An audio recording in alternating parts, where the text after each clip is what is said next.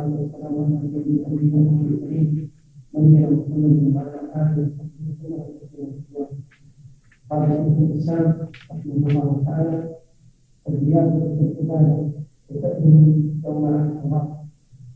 بسم الله الرحمن الرحيم. الحمد لله رب العالمين.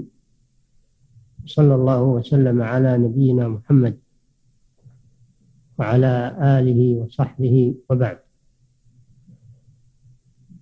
هذه المسألة من مسائل الجاهلية من أهل الكتاب و والأميين. وهي الزيادة في العبادة.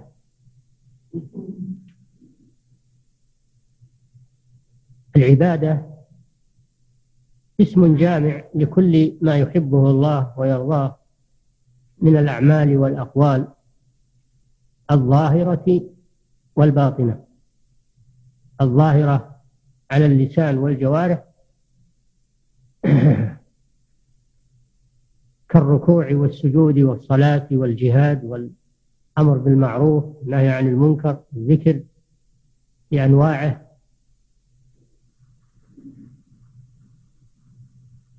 والباطنة التي في القلوب كالخوف والخشية والرغبة والرهبة والتوكل والإنابة. كل هذه من أعمال القلوب التي لا يعلمها إلا الله سبحانه وتعالى. كذلك الإخلاص لله عز وجل. والعبادة مبناها على التوقيف. العبادة مبناها على التوقيف. فلا يعبد الله إلا بما شرع. وليس للناس أن يحدثوا عبادات لم يشرعها الله. وإن كانوا مخلصين في قلوبهم يريدون الخير ويريدون الثواب نياتهم حسنة فهذا لا يسوغ إحداث عبادة لا دليل عليها من كتاب الله سنة رسوله صلى الله عليه وسلم.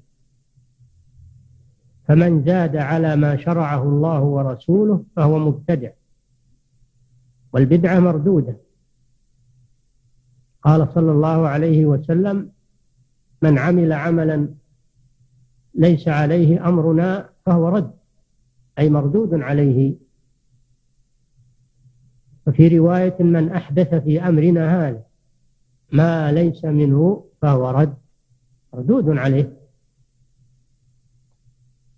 قال صلى الله عليه وسلم عليكم بسنتي سنة الخلفاء الراشدين المهديين من بعدي تمسكوا بها وعضوا عليها بالنواجذ وإياكم ومحدثات الأمور فإن كل محدثة بدعة وكل بدعة ضلالة وفي رواية وكل ضلالة في النار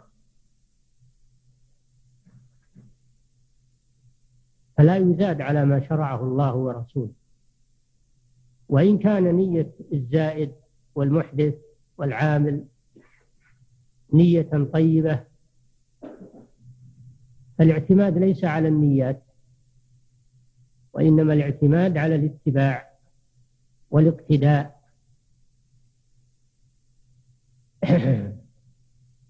فكل عبادة زائدة على ما شرعه الله فإنها بدعة وضلالة وصاحبها من أهل النار كما في هذا الحديث وكل ضلالة في النار. فوصف البدعة بثلاث صفات. أولا خلاف الهداية. صاحبها ضال وليس بمهتد. والثالث أنها في النار. هذا وعيد. للمبتدعة بأن بدع بأن بدعهم توردهم النار. وإن كانوا يتقربون بها إلى الله سبحانه وتعالى. ومن هذه البدع ما أحدثوه في يوم عاشوراء. يوم عاشوراء هو اليوم العاشر من شهر من شهر محرم. وهو اليوم الذي نجى الله فيه موسى وقومه وأغرق فيه فرعون وقومه.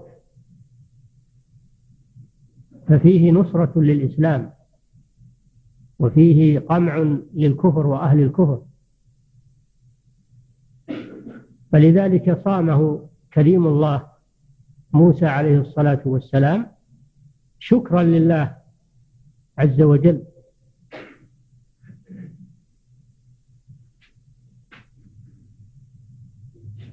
وصامه نبينا صلى الله عليه وسلم اقتداء بموسى عليه الصلاة والسلام. وقال لليهود نحن أحق بموسى منكم. لأن الأنبياء عليهم الصلاة والسلام ملتهم واحدة طريقتهم واحدة. فالمشروع في هذا اليوم الشكر لله. في الصيام ولا يزاد على ذلك. فمن زاد في هذا اليوم غير الصيام فإنه مبتدع. كمن يصلي في هذا اليوم تنفل خلاف المشروع يخص هذا اليوم بصلوات نوافل هذا بدعة.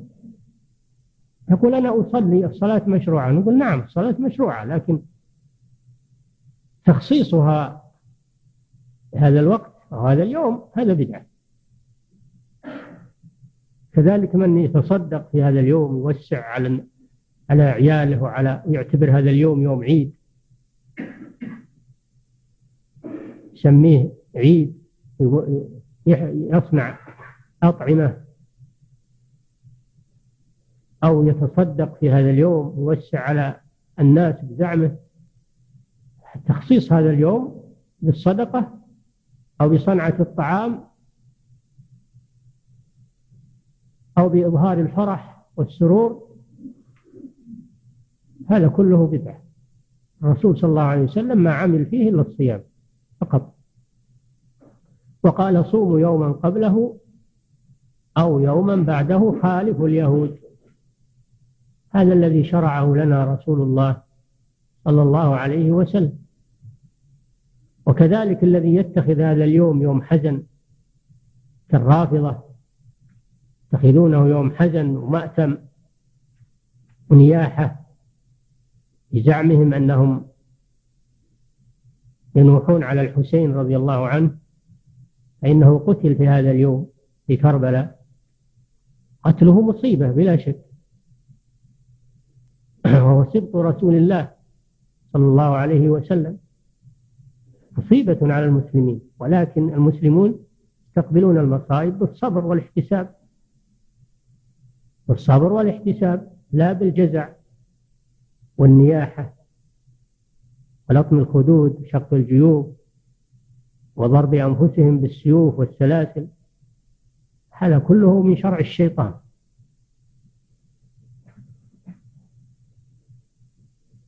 فإحداثهم في هذا اليوم ما لم يشرعه الله ورسوله هذا من أمور الجاهلية. وكذلك لو أحدث فيه احتفال احتفال بالنصر يقال هذا احتفال بنصر المسلمين على الكفار هذا بدعة. ما, ما أنزل الله به من سلطان. نحن لا نعمل في هذا اليوم إلا ما شرعه لنا رسول الله صلى الله عليه وسلم وهو الصيام. شكرا لله عز وجل ومخالفة اليهود بصوم يوم قبله أو يوم بعده. ومن صام الأيام الثلاثة فهو أكمل. صام يوما قبله ويوما بعده. صام ثلاثة أيام هذا أكمل. لأن يعني في بعض الروايات صوموا يوما قبله ويوما بعده بالواو. هذا هو المشروع في يوم عاشوراء ولا يزاد عليه الزيادة على ما شرعه الله فيه من أعمال الجاهلية. نعم.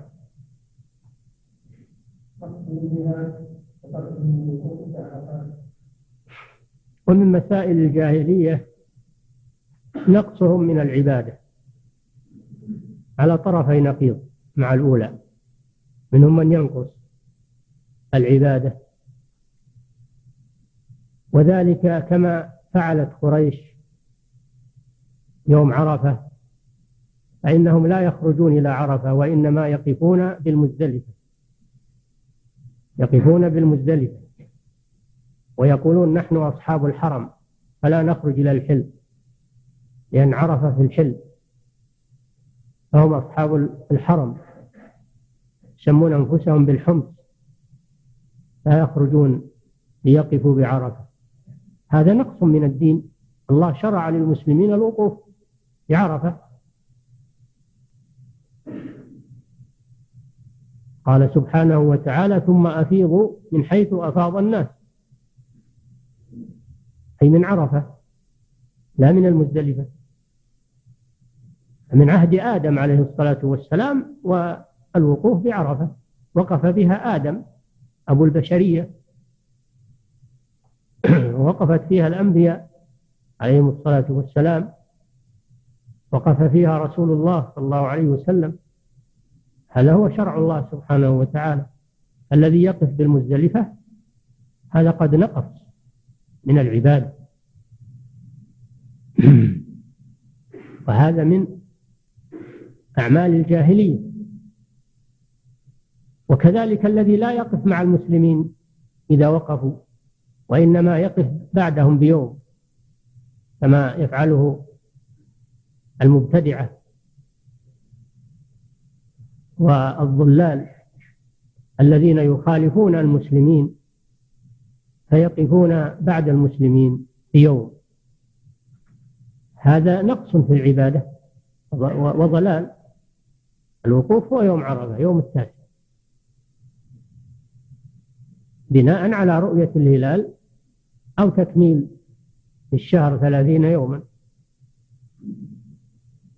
فهذا هو الذي شرعه الله في يوم عرفة. فلا يغير لا يبدل ولا يزاد فيه ولا ينقص. قال صلى الله عليه وسلم خذوا عني مناسككم. ولما خرج صلى الله عليه وسلم سار من منى اليوم التاسع كانت قريش لا تشك أنه سيقف في المزدلفة. فجاوز رسول الله صلى الله عليه وسلم جاوز المزدلفة إلى عرفة وأحيا ملة إبراهيم عليه الصلاة والسلام. وقف بعرفة. فعرفوا حينئذ أنه خالفه. فالوقوف في غير في غير عرفة حتى ولو كان من من الحرم ولو كان من المشاعر المقدسة. فإنه باطل. ولا يحصل به الوقوف. الذي هو أعظم ركن من أركان الحج. سواء وقف بالمزدلفة أو وقف في غيرها من فجاج الحرم كل هذا باطل. الواجب اتباع شرع الله سبحانه وتعالى. ثم أفيضوا من حيث أفاض الناس. يعني من عرفة. فإذا أفضتم من عرفات فاذكروا الله عند المشعر الحرام المزدلفة. أمر الله سبحانه وتعالى بالوقوف بعرفة وأمر بذكر الله عند المشعر الحرام الذي هو المزدلفة. قد بين النبي صلى الله عليه وسلم ذلك لأن أفاض من عرفة لما غربت الشمس أفاض من عرفة ونزل بالمزدلفة وصلى فيها صلاة المغرب وصلاة العشاء جمعا وقصرا للعشاء بأذان واحد وإقامتين ثم بات بها المزدلفة صلى الله عليه وسلم. ولما صلى الفجر ذهب إلى الجبل جبل مزدلفة وذكر الله سبحانه وتعالى عنده إلى قبيل غروب طلوع الشمس. فلما قاربت الشمس بالطلوع أفاض صلى الله عليه وسلم من مزدلفة إلى منى. هذا هدي رسول الله صلى الله عليه وسلم. لا يغير ولا يبدل إلى أن تقوم الساعة. فمن غير فيه أو زاد أو نقص فإن هذا من أعمال الجاهلية. كانت الجاهلية أيضا لا يفيضون من مزدلفة إلا بعد أن تطلع الشمس. فإذا أشرقت الشمس على الجبل الذي يسمى كبير شرقي مزدلفة أفاضوا منها إلى إلى منى. ويقولون أشرق كبير كيما نغير. فخالفهم صلى الله عليه وسلم وأفاض قبيل طلوع الشمس. مخالفة لأهل الجاهلية. الحاصل أن أعمال الجاهلية في العبادات كلها باطلة إلا ما وافقوا فيه الشرع. ما كان من من عمل إبراهيم الخليل عليه الصلاة والسلام. نعم. المسألة كم؟ المسألة الحادية والسبعين تركهم. ها؟ تركهم الواجب ورعا. يتركون بعض الفرائض تقربا إلى الله بزعمهم. وهذا مثل ما يفعله المتعبدة من الصوفية الذين يزعمون أنهم إذا وصلوا إلى المعرفة سقطت عنهم التكاليف فيتركون الصلاة ويتركون الصيام ويفعلون المحرمات ويقولون نحن قد وصلنا وعرفنا ولا وهذه التكاليف والأوامر والنواهي إنما هي للعوام الذين لم يصلوا إلى الله عز وجل. هذا من عمل الجاهلين. لأن الفرائض واجبة على المسلمين. لا يعفى عنها منها أحد إلا المعذور الذي عذره الله بعذر شرعي من مرض ونحوه أو فقدان عقل أو غير أو نوم أو غير ذلك. فلا يجوز ترك شيء من الفرائض ويعتقد أن هذا دين أن هذا من دين الصوفية. والصوفية منحدرة من من أصول الرهبانية عند النصارى ومن دين البراهمة في في الهند. الصوفية موروثة عن هذين المذهبين الوثنيين. التقرب إلى الله بما لم يشرعه وترك ما شرعه الله سبحانه وتعالى. فالواجب على كل مسلم أداء ما فرض الله عليه وترك ما حرم الله عليه في كل حياته. ولا أحد يخرج عن هذا الشرع إلا من كفر وارتد عن دين الإسلام. نعم.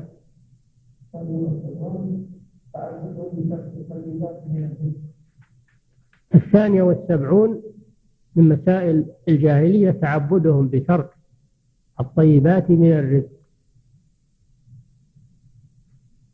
يتركون أشياء من الحلال يتقربون إلى الله بتركها. قال الله تعالى يا أيها الذين آمنوا لا تحرموا طيبات ما أحل الله لكم ولا تعتدوا إن الله لا يحب المعتدين.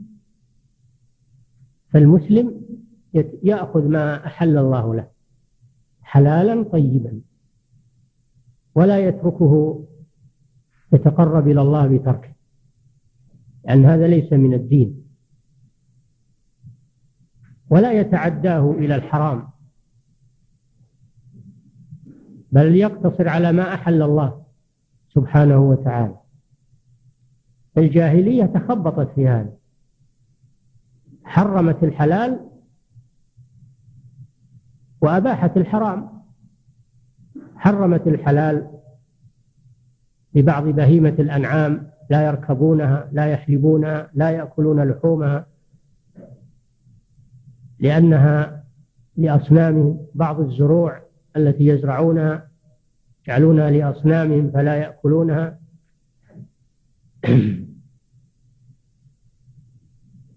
ويستبيحون الحرام يستبيحون الميتة التي حرمها الله.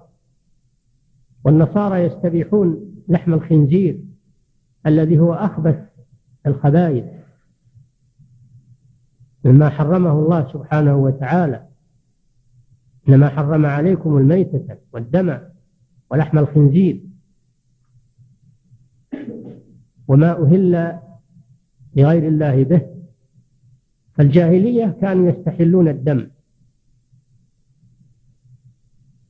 فيطعنون الحيوان بشيء حتى يسيل منه الدم ثم يأخذونه ويطبخونه ويأكلون. وهو حرام. ويستبيحون الميتة. هذا استباحة لما حرم الله. وفي جانب آخر يحرمون على أنفسهم ما أحل الله من بهيمة الأنعام. الله جل وعلا يقول أحلت لكم بهيمة الأنعام إلا ما يتلى عليكم. فهم يحرمون أنواعا من بهيمة الأنعام تدينا. وكذلك من المتنسكة الرهبانيين من النصارى ومن اقتدى بهم. الذين يمنعون أنفسهم من الطيبات ويضيقون على أنفسهم تقربا إلى الله بترك الطيبات والمباحات هذا من دين الجاهلية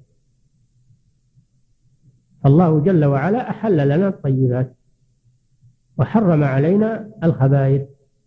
الذي يترك الطيبات تورعا هذا من دين الجاهلية. وليس من دين الرسول صلى الله عليه وسلم. الرسول صلى الله عليه وسلم يقول إنني أصلي وأنام و آه، وأفطر وأتزوج النساء في رواية وآكل اللحم فمن رغب عن سنتي فليس مني.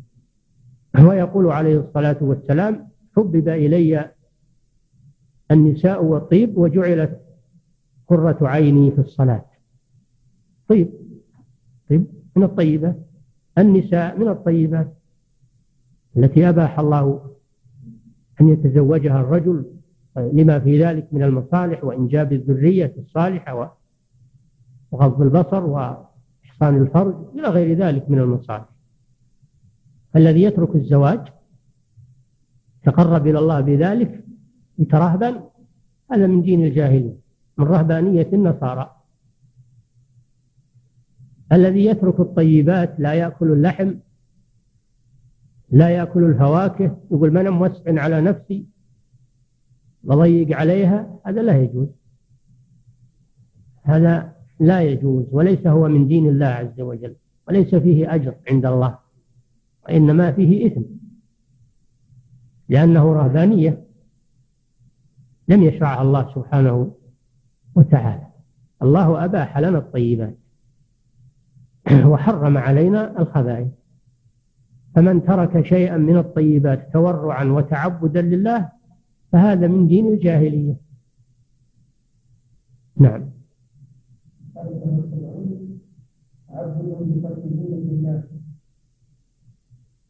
نعم.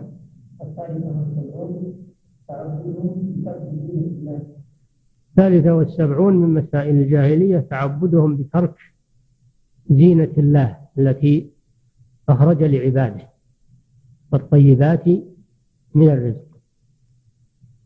وذلك في الملابس. ذلك في الملابس وغيرها من الزينة المباحة. لكن سبب نزول الآية ما كانت تفعله الجاهلية عند الطواف بالبيت. كانوا يطوفون بالبيت عراة. الرجال والنساء ويقولون إن الله أمرنا بهذا. فرد الله تعالى عليهم بقوله وإذا فعلوا فاحشة قالوا وجدنا عليها آباءنا والفاحشة هنا المراد بها كشف العورة سماه فاحشة. هذا الذي يتباهى به كثير من الناس اليوم كشف العورات والسفور والعري تتباهى به الأمم المتحضرة. ومن اغتر بهم من المنتسبين إلى الإسلام أو إلى العروبة بزعمهم هذا العري والسفور هذا من دين الجاهلية. وهو فاحشة سماه الله فاحشة. ولا سيما إذا فعل هذا تقربا إلى الله عز وجل. هل يتقرب إلى الله بالفواحش؟ تعالى الله عن ذلك. قل إن الله لا يأمر بالفحشاء يعني لا يشرع لعباده الفحشاء. أتقولون على الله ما لا تعلمون؟ قل أمر ربي بالقسط وأقيموا وجوهكم عند كل مسجد وادعوه مخلصين له الدين. إلى قوله تعالى قل من حرم إلى قوله تعالى يا بني آدم خذوا زينتكم عند كل مسجد. أي استروا عوراتكم عند كل صلاة. والطواف بالبيت. خذوا زينتكم المراد به ستر العورة. سماه الله زينة. وسمى كشفها فاحشة. خذوا زينتكم عند كل مسجد أي عند كل صلاة. وكلوا واشربوا كلوا من الطيبات واشربوا من المباحات. ولا تسرفوا إنه لا يحب المسرفين. يأكل الإنسان ويشرب في حدود الاعتدال من غير تقتير ومن غير إسراف. هذا هو الاعتدال. ثم قال جل وعلا قل من حرم زينة الله؟ هذا إنكار منه سبحانه وتعالى لمن حرم اللباس وستر العورة. وزعم أنه يتقرب إلى الله بكشف عورته. لا شك أن هذا من شرع الشيطان هو الذي أملى لهم هذا الشيء. التي أخرج لعباده خلقها الله لعباده سبحانه وتعالى. بمطلع الآيات يا بني آدم قد أنزلنا عليكم لباسا يواري سوآتكم. هذا ستر العورة. وريشا هذا الجمال التجمل الزايد على ستر العورة.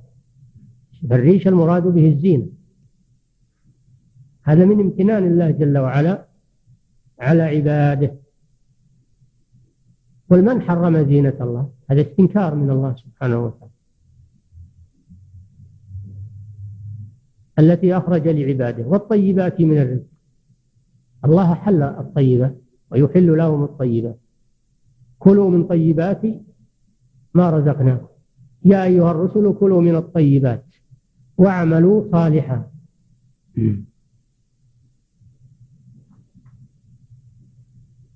ثم قال جل وعلا قل هي أي الزينة والطيبات للذين آمنوا في الحياة الدنيا خالصة يوم القيامة. الله خلق هذه الدنيا وما فيها من المنافع للمؤمنين في الأصالة. خلقها لعباده ليستعينوا بها على عبادة الله سبحانه وتعالى. فهي لهم والكافرون يتبعونهم تبعا يشاركونهم فيها تبعا وإلا هي للمؤمنين. خلقها الله لعباده المؤمنين تفضلا عليهم وليستعينوا بها على طاعته. وأما الكفار فهم يشاركون المؤمنين في هذه الدنيا وفي يوم القيامة يحرمون منها. تكون خالصة للمؤمنين. طيبات. زينة الله والطيبات في الآخرة يحرم منها الكفار. وتكون خالصة للمؤمنين في الجنة. كذلك نفصل الآيات لقوم يعلمون. قل إنما حرم ربي الفواحش ما ظهر منها وما بطن والإثم والبغي بغير الحق وأن تشركوا بالله ما لم ينزل به سلطانا وأن تقولوا على الله ما لا تعلمون فتحريم الحلال تحريم الطيبات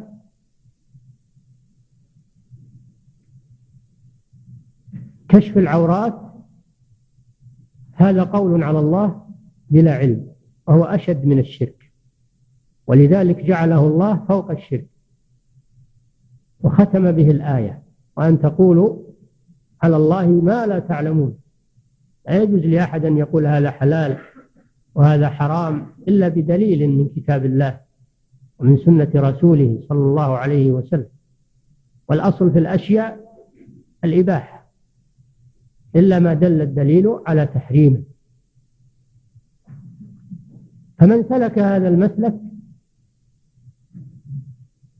فإنه يكون على مذهب الجاهلية في تحليل الحرام وتح... وتحريم تحليل الح... في في تحريم الحلال وتحليل الحرام هذا مذهب الجاهلية ودين الجاهلية. نعم.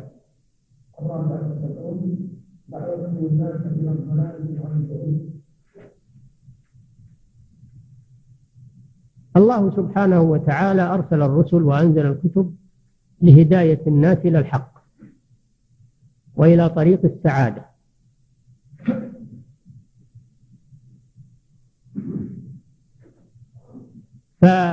فالكفار دائما وأبدا على العكس يدعون الناس إلى الضلال. كما قال تعالى الله ولي الذين آمنوا يخرجهم من الظلمات إلى النور والذين كفروا أولياؤهم الطاغوت يخرجونهم من النور إلى الظلمات. أولئك أصحاب النار هم فيها خالدون. فأهل الجاهلية بما فيهم اليهود والنصارى والمشركون من جميع من جميع الأمم على النقيض مما جاءت به الرسل ونزلت به الكتب. يدعون إلى الضلال وإلى, إخراج الناس من النور إلى الظلمات. ولا يزالون جادين في هذا. ينفقون أموالهم ليصدوا عن سبيل الله. وهذا مشاهد الآن مما تعمله دعاة الضلال. من جدهم واجتهادهم في صرف الناس عن الحق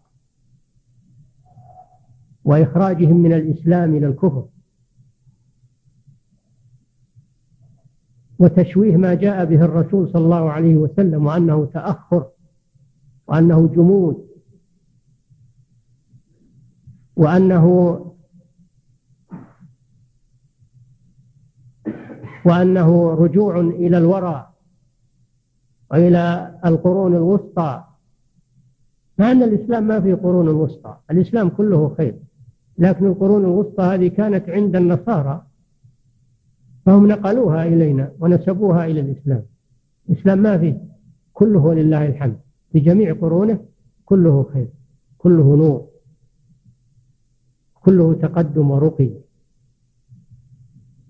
في جميع قرونه وإن تفاوتت قرونه في ظهور الإسلام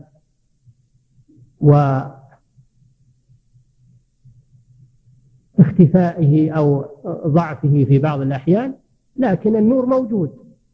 النور موجود ولله الحمد في كل العصور. إنما هذه القرون الوسطى التي يقولونها هذه فيهم فيهم هم. ليست عندنا. لكن تبناها بعض الجهلة وصاروا يطلقونها بدون تفكير. فهم جادون في كل زمان ومكان في دعوة الناس إلى الضلال. ولهذا يقول جل وعلا عن الشيطان إنما يدعو حزبه ليكونوا من أصحاب السعير. ويقول جل وعلا عن المشركين لما نهى عن تزويجهم من المسلمات. ونهى أن يتزوج المسلمون من المشركات. ولا تنكح ولا تنكح المشركات ولا تنكح المشركين حتى يؤمنوا. ولعبد مؤمن خير من مشرك ولو أعجبكم. قال تعالى ولا تنكحوا المشركات. أول الآية. ولا تنكحوا المشركات حتى يؤمن. ولأمة مؤمنة خير من مشرك. ولو أعجبتكم. ولا تنكحوا المشركين حتى يؤمنوا. ولعبد مؤمن خير من مشرك ولو أعجبكم. أولئك يدعون إلى النار. المشركون والمشركات يدعون إلى النار. والله يدعو إلى الجنة والمغفرة بإذنه. وأخبر عن آل فرعون أنهم أئمة يدعون إلى النار ويوم القيامة لا ينصرون. فالكفار دائما على هذا المنهج الخبيث صرف الناس عن الحق ودعوة الرسل إلى الباطل النهي عن التوحيد وإخلاص العبادة لله والأمر بدعوة غير الله والاستغاثة بالموتى. ويسمون هذا بالتوسل إلى الله التقرب إلى الله ما نعبدهم إلا ليقربونا إلى الله زلفى. ويقولون هؤلاء شفعاؤنا عند الله فهم يسمون الشرك بهذا الاسم. بل في في الزمان المتأخر صاروا يسمونه محبة للأولياء والصالحين. فمن لم يتبرك بقبورهم ويستنجد بهم ويستغيث بهم ويذبح لهم فإنه يبغضهم بزعمه. وأما من فعل الشرك عند قبورهم فهذا يحبه. يشبونه من محبة الصالحين. قلبا للحقائق. يريدون أن يصرفوا الناس عن التوحيد الذي جاءت به الرسل إلى الشرك. هذا في كل زمان وفي كل مكان. فلا تستغربوا أن تنبري طوائف ممن ينتسبون إلى الإسلام والعلم ويؤلفون الكتب في تحسين الشرك والتهوين من أمر التوحيد وأنه مذهب فلان أو فلان. ينسبون التوحيد إلى أناس جاءوا متأخرين ويقطعون نسبته إلى الرسول صلى الله عليه وسلم ليضلوا الناس عنه. التوحيد دين الوهابية التوحيد دين ابن تيمية التوحيد دين فلان دين علان. لأجل التنفير من هذا. ما يقولون هو دين الرسول صلى الله عليه وسلم. من أجل التنفير من التوحيد. فهذا هو هو ما ذكره الشيخ في هذه المسألة. دعوة الناس إلى الضلال وصرفهم عن الحق.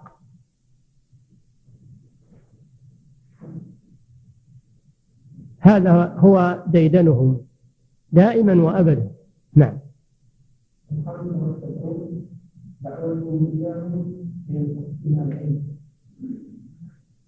نعم. الخامسة والسبعون دعوتهم إلى الكفر مع العلم. هذه مثل التي قبلها لكن هذه أشد لأنهم يدعون إلى الكفر وهم يعلمون أنه كفر. الذي يدعون إلى الكفر وهم يعلمون أنه كفر. وهذا من مذهب اليهود. يحرفون الكلمة من بعد مواضعه.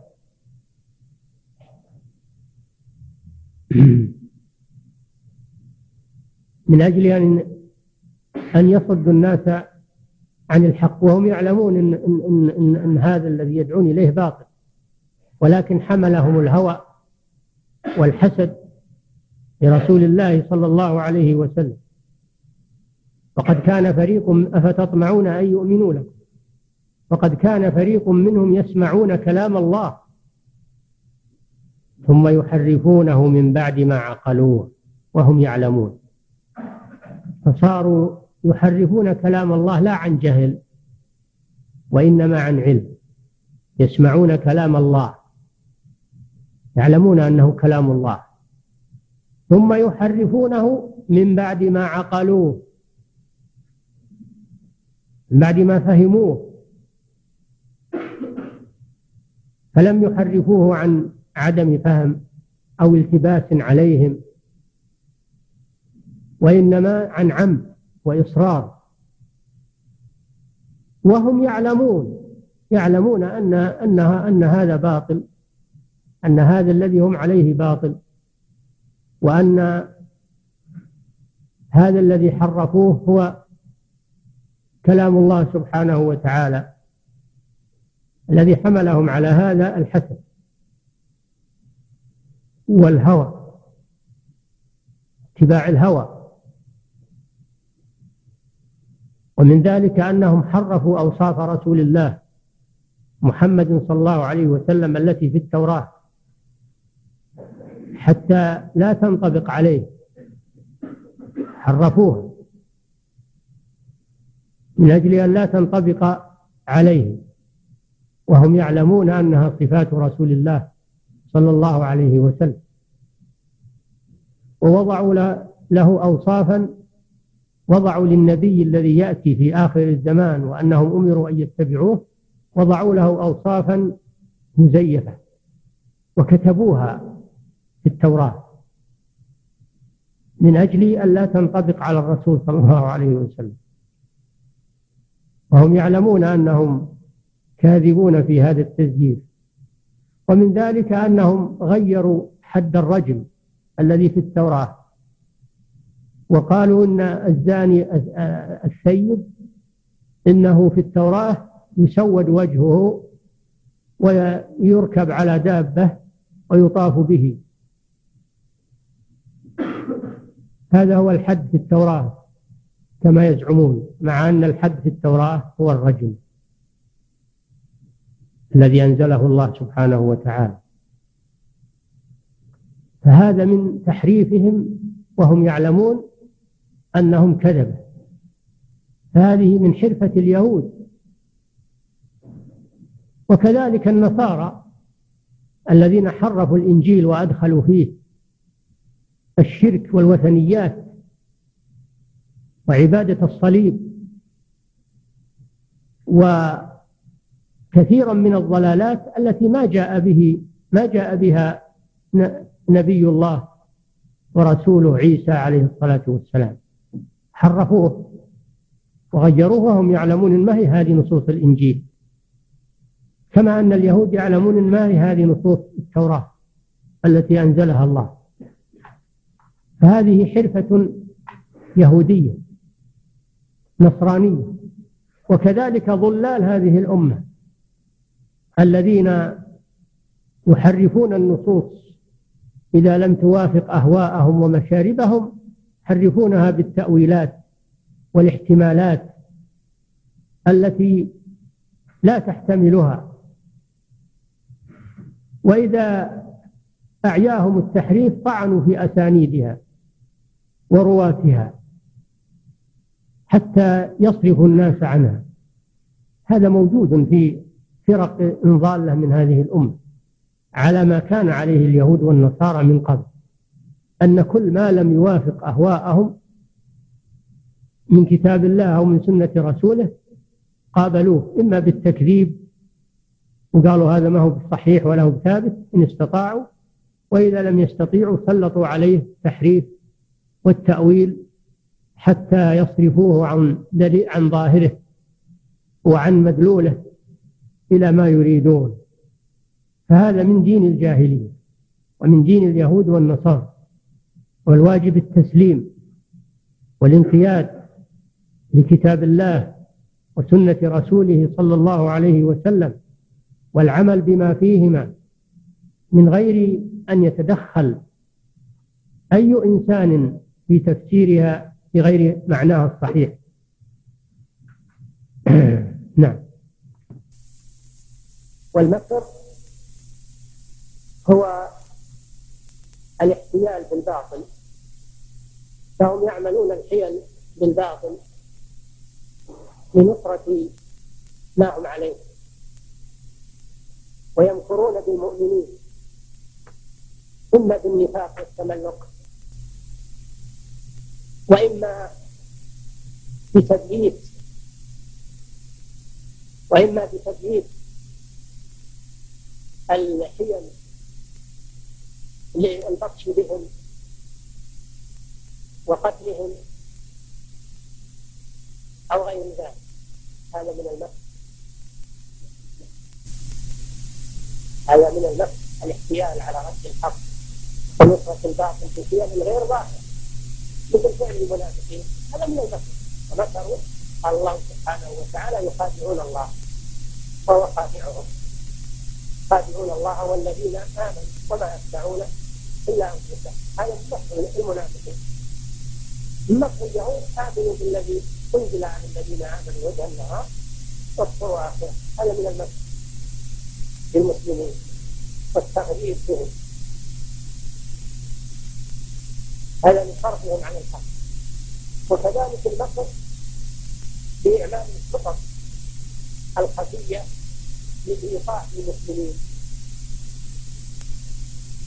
وإيقاع الضرر بهم بطريقة لا يتنبه لها إلا القليل. ولا تزال أمم الكفر على يعملون المكر الكفار يعني الكبير الكبير لصرف الحق ونصرة الباطل بطرق خفية منسوية لا تظهر إلا للحادث الذي يحسبها الناس أنها حق وإغاثة وهذه موروثة عن الكفار الأقدمين من قوم نوح. قال الله تعالى ومكروا مكرا كفار مكروا بمن؟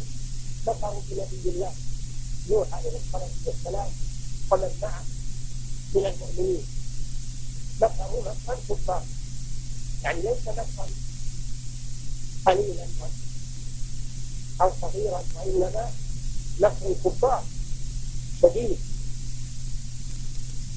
فهذه الصفة لا تزال في الدين هي منحدرة من الجاهلية ولا تزال في الكفار والمنافقين إلى عهدنا هذا هذه الخطط وهذه المكائد التي يعملونها للمسلمين في كل زمان ومكان ويتظاهرون بأنهم أصدقاء وأنهم مسالمون وأنهم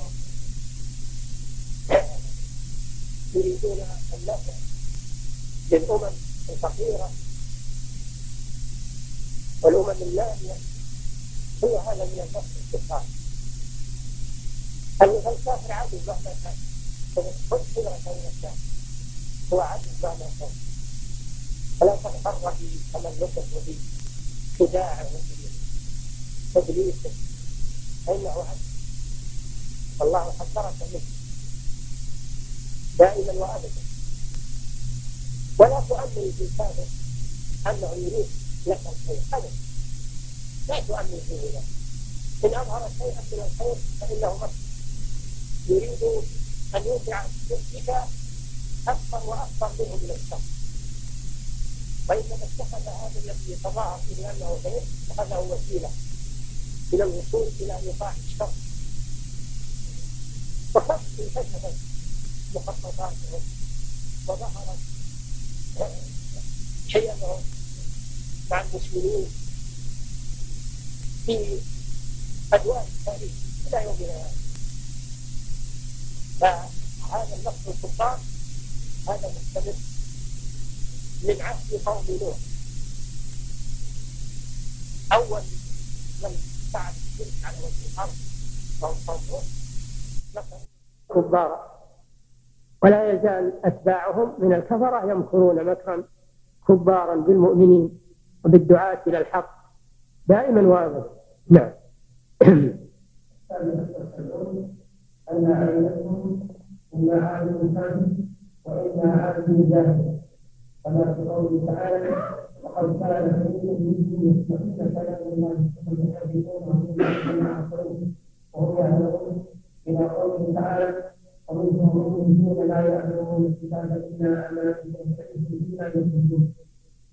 هذه المسألة أن أن أئمتهم أئمة أهل الجاهلية أئمة أهل الجاهلية ومن سار على نهجهم إما عالم فاجر عالم بالحق لكنه فاجر خارج عن الحق لا يعمل به فهو لا يعمل بعلم. كما قال الله سبحانه وتعالى أفتطمعون أن يؤمنوا لكم عن اليهود؟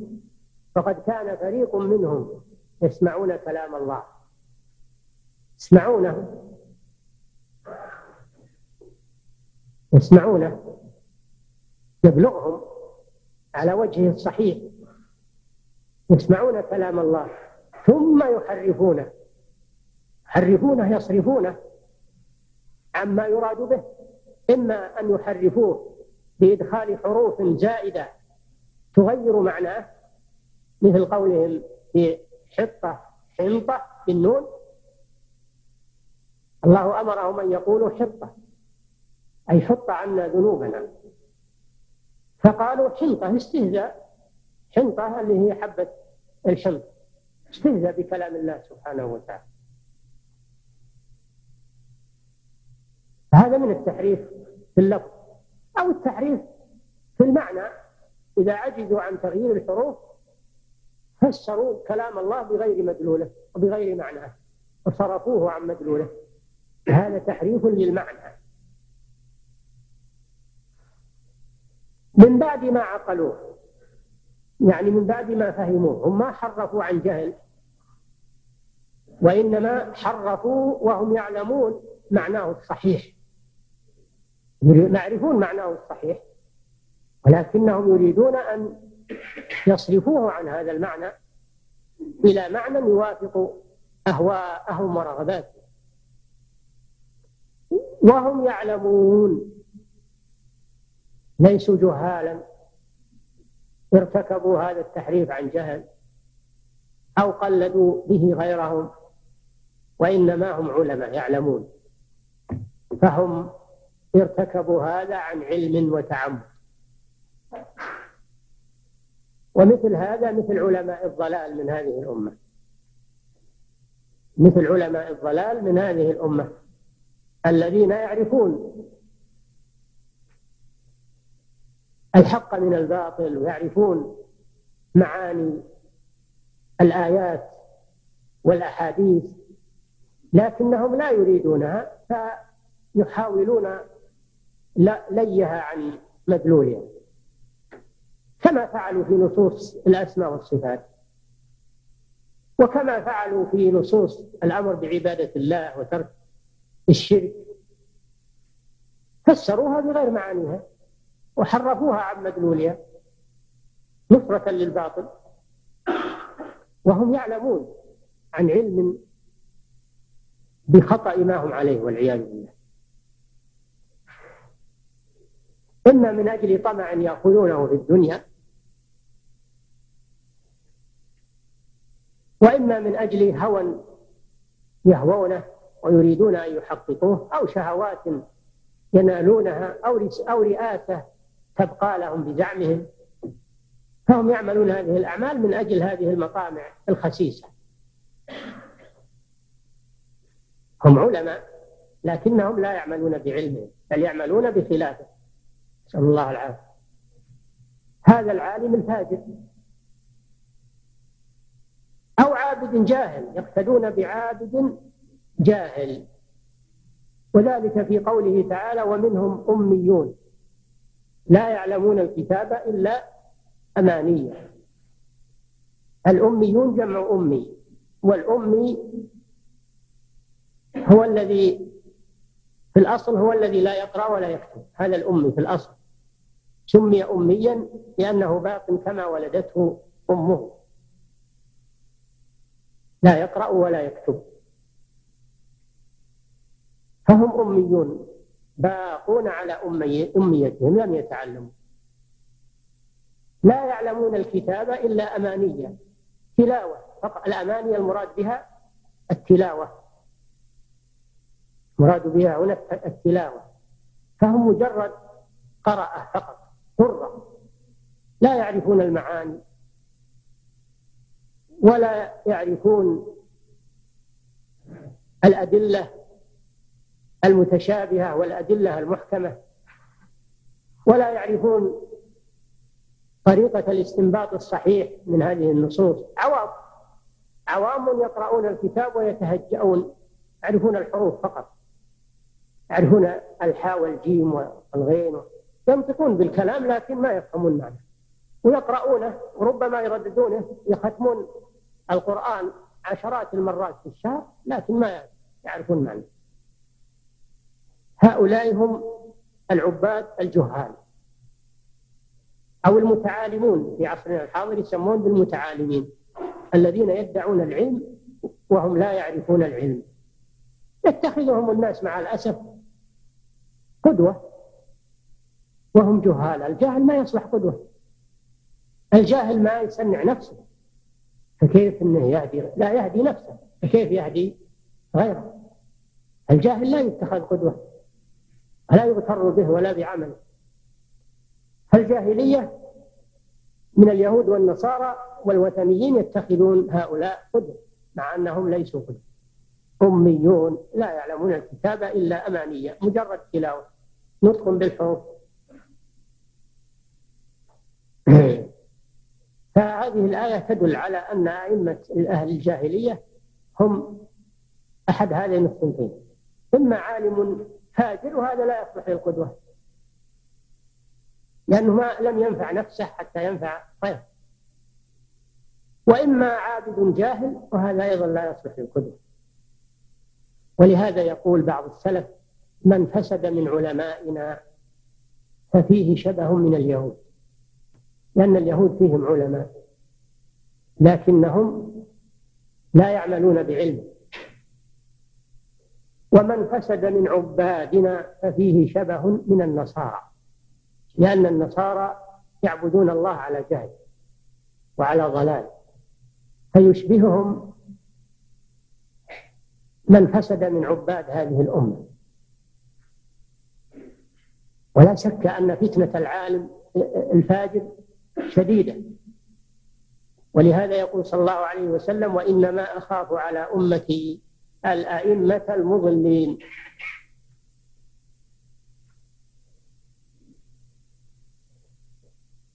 ويقول صلى الله عليه وسلم إنما أخشى على أمتي آه عالم إنما أخشى على أمتي عالم فاجر أو منافق يجادل بالقرآن أو كما قال صلى الله عليه وسلم. عالم فاجر لا يعمل بعلمه أو منافق يتظاهر بالإسلام وهو يريد آه يريد إضلال الناس ويجادل بالقرآن يستدل بالقرآن. على غير معناه الصحيح. حتى يقال والله هذا يستدل بالقرآن. هذا عالم يستدل بالقرآن. من أجل يخدع الناس. لا يدعوهم إلى الكفر أو إلى الفجور علانية وإنما يدعوهم باسم باسم العلم ويستدل بالنصوص على غير مدلولها.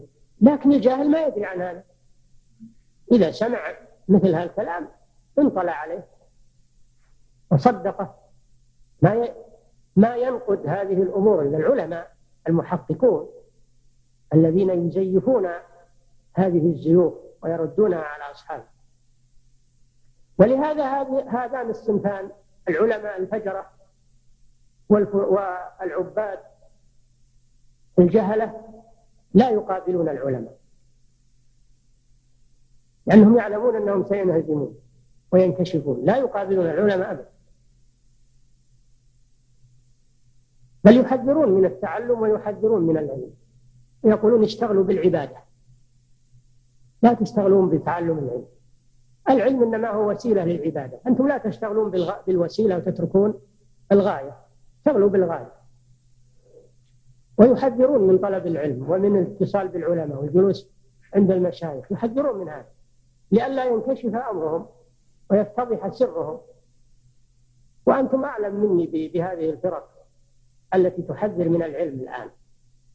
وتدعو إلى الزهد والورع والعبادة والسياحة في الأرض باسم الجهاد إلى غير ذلك ويحذرون من العلم ومن العلماء ومن هذه مصيبة لأجل يسدوا على الناس طريق الهداية حتى يسهل لهم قياد العوام. نعم. شكرا عليه نعم. نعم.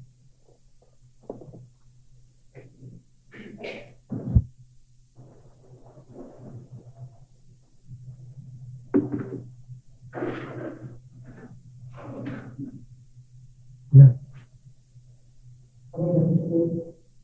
السلام عليكم ورحمة الله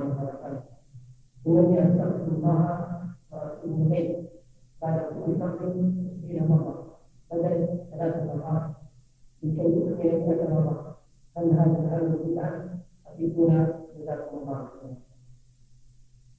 الاستغفار المحدد بعد الصلاة ثلاث مرات هكذا فعل وكان النبي صلى الله عليه وسلم يفعل وإذا أردت أن تزيد من الاستغفار ففي غير هذا الموضع. هذا الموضع لا تزد فيه لأن الرسول صلى الله عليه وسلم لم يزد فيه على ثلاث مرات. ثم تأتي بالأذكار الواردة بعد الصلاة. أما إذا اشتغلت بالاستغفار فإنك تترك الأذكار الذي التي شرعها النبي صلى الله عليه وسلم في هذا المقام. وأما الاستغفار الباب مفتوح. استغفر الليل والنهار. دون حد. الحمد لله. نعم.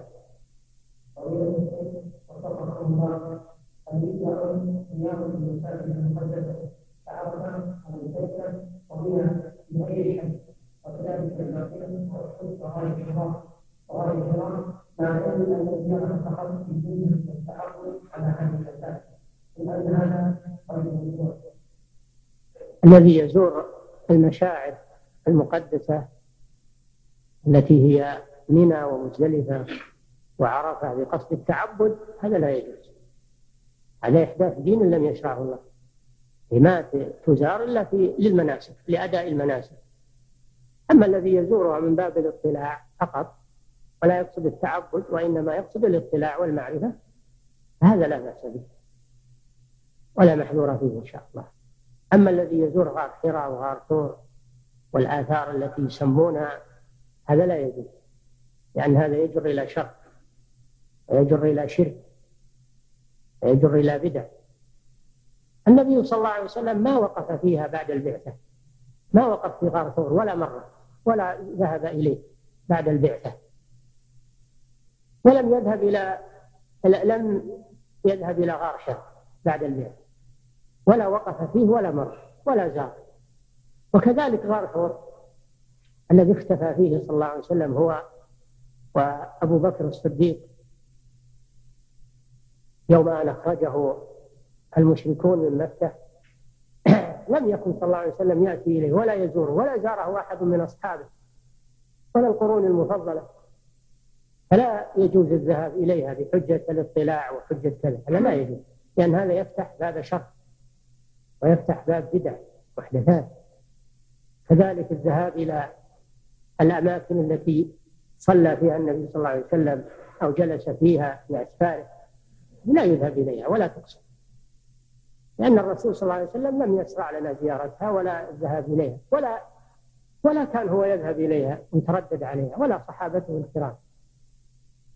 ولا يتساهل في هذه الأمور. لأنها تبدأ في نظر الناس سهلة ثم تتطور. إذا كثر الزوار وكثر الناس بني عليها وجعل فيها مساجد وجعل فيها مصليات وجعل فيها مشاريع. تتطور الأمور. فيخرج الناس من الدين بهذه الأمور. نعم.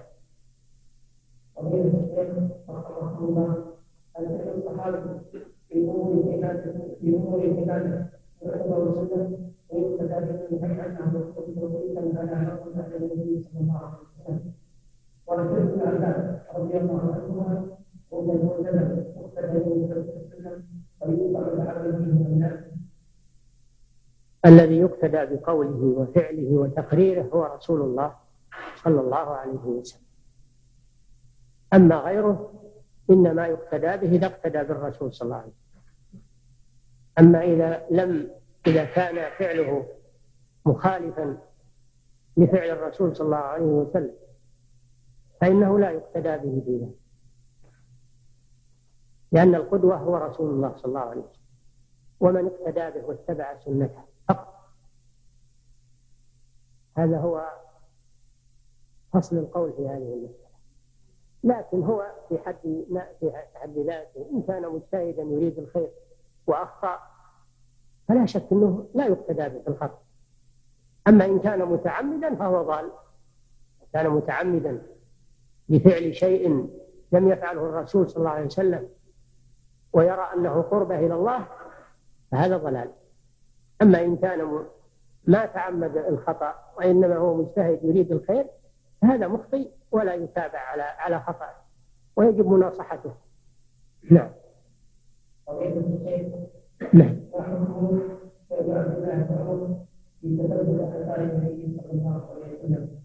هو من هذا الباب. غير قدوة في ذلك لأن هذا شيء لم يفعله رسول الله صلى الله عليه وسلم. والقدوة هو الرسول. وابن عمر رضي الله عنه من حبه للخير وحرصه فعل هذا عن اجتهاد. ولكن هذا خطأ. هذا خطأ لا يتابع عليه. خالفه أبوه. عمر بن الخطاب رضي الله عنه خالف ابنه. ونهى عن تتبع آثار الرسول صلى الله عليه وسلم. وقال ما هلكت الأمم السابقة إلا بتتبعها آثار أنبيائها يعني الآثار المكانية. ثم أمر بقطع الشجرة التي وقعت تحتها بيعة الرضوان وكان الناس يذهبون إليها يصلون عندها ويتبركون بها قطع درءا للفتنة. لا شك أن عمر وهو الخليفة الراشد هو القدوة كما أوصى النبي صلى الله عليه وسلم بقوله عليكم بسنتي سنة الخلفاء الراشدين المهديين من بعد. وعمر ثاني الخلفاء. الراشدين نعم وكان حصل على نفسه بعض الحلال بقوله ان هذا عليك حرام ليس بنية التعبد والتقرب إلى الله فان عاد الانسان القول ورجع إلى القول فماذا عليه؟ من حرم الحلال من باب اليمين أن تحريم الحلال على قسمين تحريم الحلال على طريقة الجاهلية الذين يتعبدون لله بتحريم الحرام تحريم الحلال هذا لا يجوز هذا من فعل الجاهلية كما عرفنا قريبا. النوع الثاني تحريم الحلال من باب اليمين. يريد أن يمنع نفسه أو أن يلزم نفسه بشيء وقال حرام علي كذا وكذا إن لم أفعل كذا أو إن فعلت كذا فهذا يجري مجرى اليمين تكون فيه كفارة يمين. لقوله سبحانه يا أيها النبي لم تحرم ما أحل الله لك؟ تبتغي مرضاة أزواجك. والله غفور رحيم. قد فرض الله لكم تحلة أيمانكم. فسماه الله يمينا وأمر بتكفيره كفارة اليمين. وكان السبب أن النبي صلى الله عليه وسلم فيما يروى أنه حرم على نفسه العسل أو حرم على نفسه مارية القبطية التي هي سريته عليه الصلاة والسلام. لما حصل بينه وبين بعض نسائه شيء من آه، سوء التفاهم حرم على نفسه مارية أو العسل فعاتبه الله لم تحرم ما أحل الله له؟ ثم أمره أن يتحلل من هذا التحريم بالكفارة. فهذا يجري مجرى اليمين. نعم.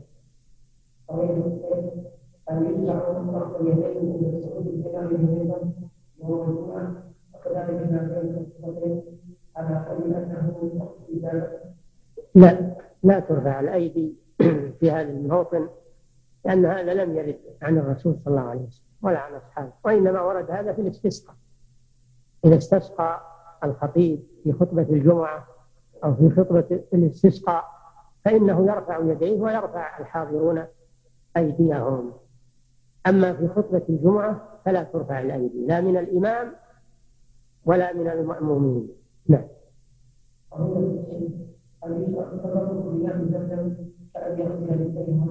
نعم. ماء زمزم ماء مبارك. والنبي صلى الله عليه وسلم يقول ماء زمزم لما شرب له. وقال إنه طعام طعم وشفاء سقم يتبرك به ويستشفى به لأنه ماء مبارك. وفيه بركة من الله سبحانه وتعالى. هذا خاص بما زمزم نعم.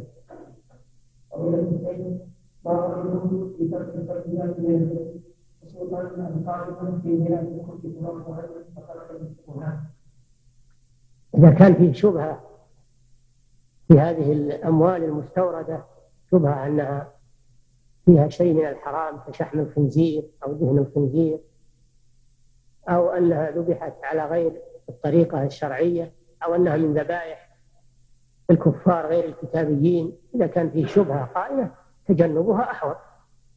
قال صلى الله عليه وسلم دع ما يريبك إلى ما لا يريبك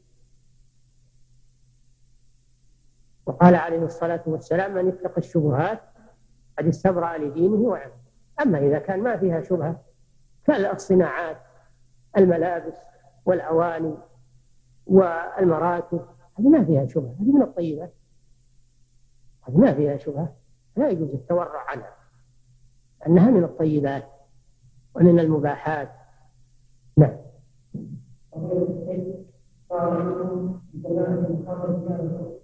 يدعون إلى الله جل وعلا حتى وصلوا المطار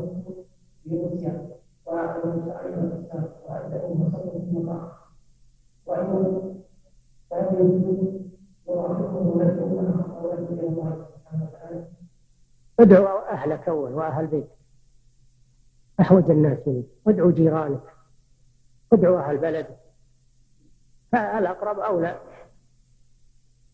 هذا إذا كان عندك علم وعندك معرفة وبصيرة. أما السفر مع هؤلاء وأنت ما تعرفهم ولا تدري ما عقائدهم ولا من أين تعلموا ولا تعرف أصولهم التي يبنون عليها فلا فلا ترافقهم مجال الدعوة مفتوح ولله الحمد في بلدك وعند أهلك وفي في بيتك. نعم.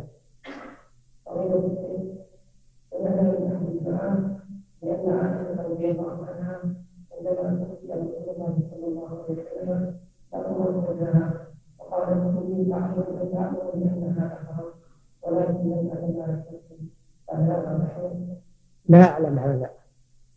لا أعلم هذا ولا أظن هذا يحصل من عائشة رضي الله عنها. نعم.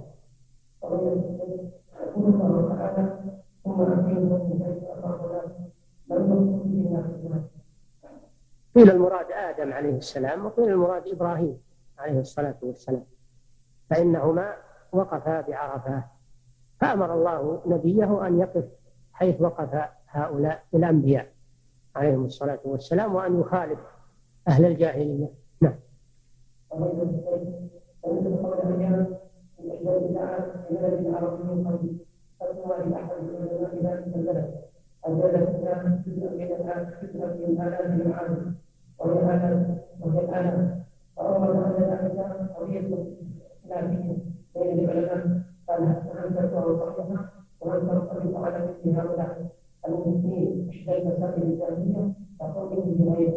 نعم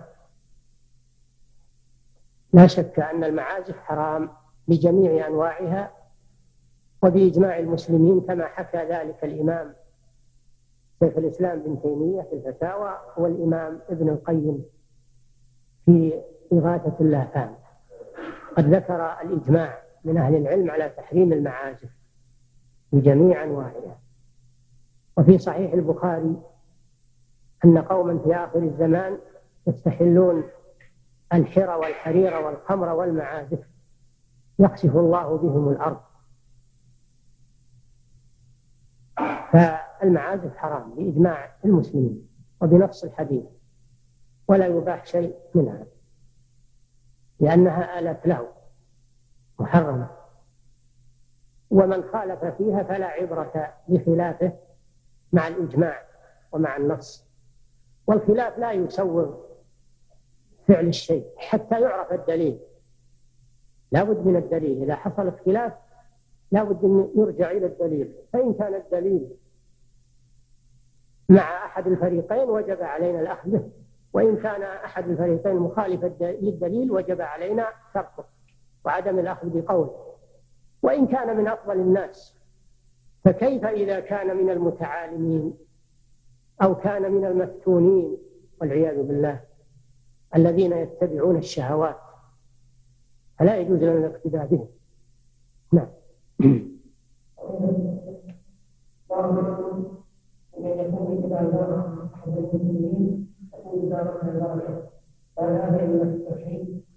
هذا لا يجوز. إزالة البركة ما بركة من الله سبحانه وتعالى. لكن يدعو للزائر و... ويكفي هذا. أما أنه يبالغ هذه المبالغة زارتنا البركة أو تبارك علينا أو على كل نعم.